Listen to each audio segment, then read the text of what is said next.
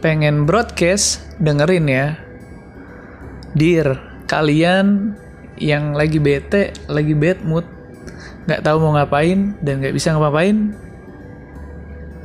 pasti pengen yang seru-seru, pengen yang baru, pengen yang asik, yang bisa ngerubah mood lo jadi lebih asik, lebih enak. Jangan ke mana-mana, dengerin pengen broadcast.